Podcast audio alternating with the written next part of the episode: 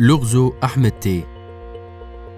اللغز الذي حار السودانيون في أمره وعجزوا عن سبر غوره هو لماذا محمد حمدان دقلو حميدتي هو الوحيد بين عسكري مجلس السيادة السوداني الذي يعتلي المنابر ويخوض ويفتي في مختلف الشؤون ويضرب أكباد البوينغ لزيارة هذا البلد أو ذاك.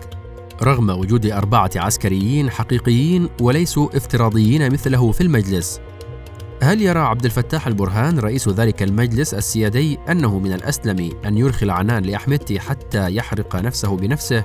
لأنه أي أحمدتي ما إن ينطق ببضع كلمات حتى تتحول تلك الكلمات مادة للتندر لأنها تفضح جهل الرجل ليس بالأحوال العامة بل حتى باللغة العامية الراجح عندي هو أن البرهان يريد أحمدتي قريبا منه جدا لسببين أولهما أن أحمدتي قائد قوة عسكرية لا تعرف الكوابح والضوابط.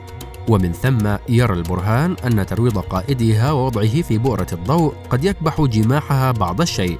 وثانيهما أن البرهان يدرك أنه مهما نافق عسكر الجيش النظامي وقدم نفسه أمامهم على أنه المدافع عنهم بإزاء حملات افتراضية تشنها عليهم قوى مدنية.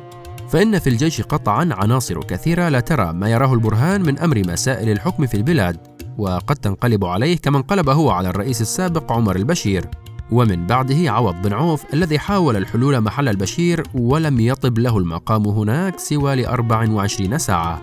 ويشكو أحمدتي كثيرا من أنه موضع تندر واستخفاف في مواقع التواصل الاجتماعي والإنترنت. ولكن ولأنه ضعيف أمام غواية الميكروفون والكاميرا فإنه يزود منتقديه الكثر بذخائر يقصفونه بها كلما تكلم. ولعله يتأسى بالبرهان الذي شبه معارضيه بالكلاب قبل أسابيع قليلة عندما خاطب حشدا عسكريا منددا بمنتقديه قائلا الكلب ينبح والقافلة تسير فأحمدتي الذي كان حتى قبل أشهر قليلة حريصا على تقديم نفسه كمواطن بسيط قلبه على المواطن البسيط ركبته في الفترة الأخيرة الخيلاء وصار يتكلم وكأنه رئيس الدولة وليس مجرد واحد من أحد عشر شخصا يمثلون رئاسة الدولة تحت مسمى مجلس السيادة.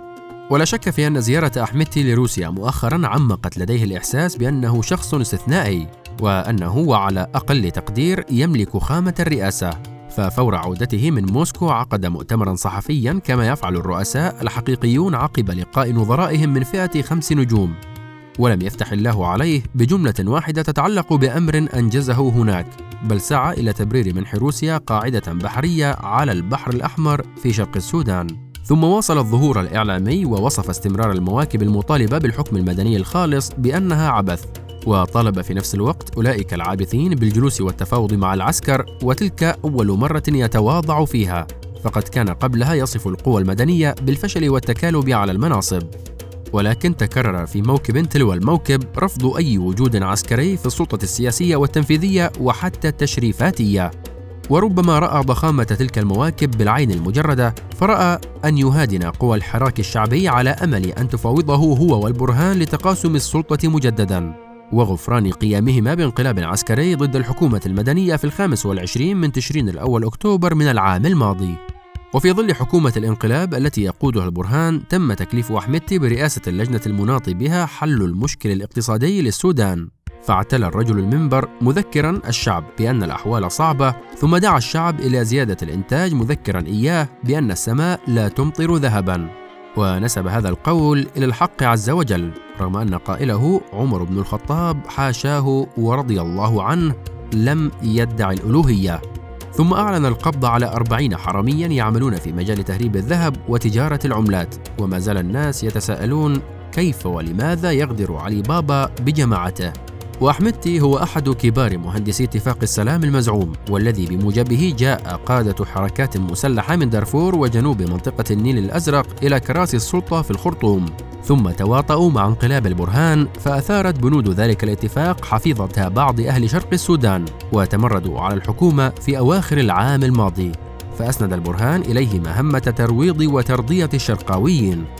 فتفتقت عبقرية أحمدتي عن حل عجيب رسم حدود داخل الإقليم على أساس قبلي. أي أن يكون لكل قبيلة منطقة معلومة لا يجوز لأبناء وبنات الأقاليم الأخرى الدخول فيها للرعي أو الزراعة أو قطع الأشجار أو الاستثمار إلا بإذن خاص من القبيلة المعنية وربما كفيل.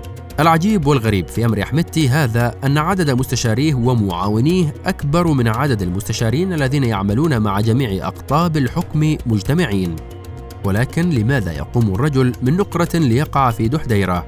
كما يقول المصريون عمن يتفادى خطأ بخطأ أكبر.